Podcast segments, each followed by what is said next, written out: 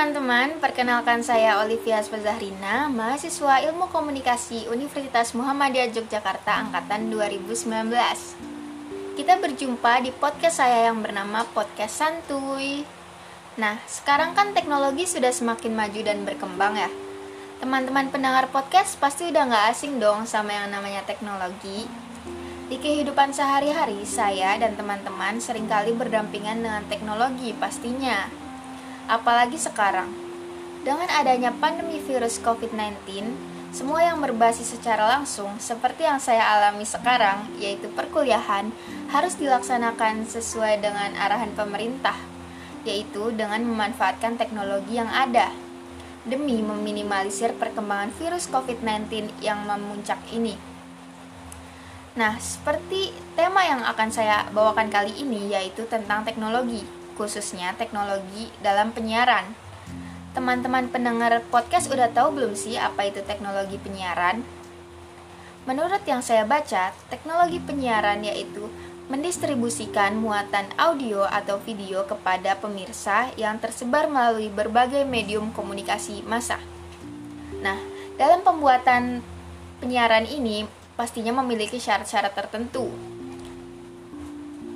Syarat-syarat penyiaran itu ada lima. Yang pertama, harus tersedia spektrum frekuensi radio.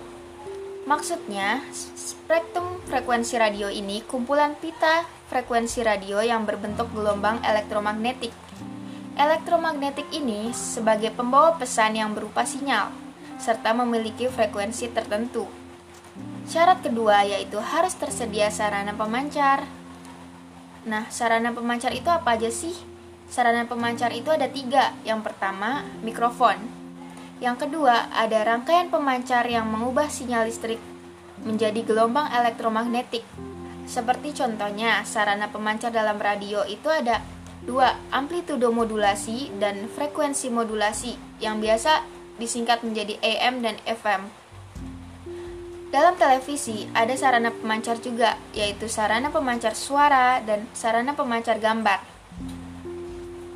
Sarana pemancar ketiga adalah antena pemancar gelombang yang membuat jangkauan dari penyiaran kita ini semakin jauh.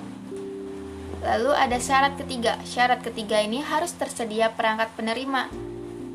Jadi dalam pemancar juga harus memiliki penerima. Nah, penerimanya ini berupa pesawat radio dan pesawat televisi.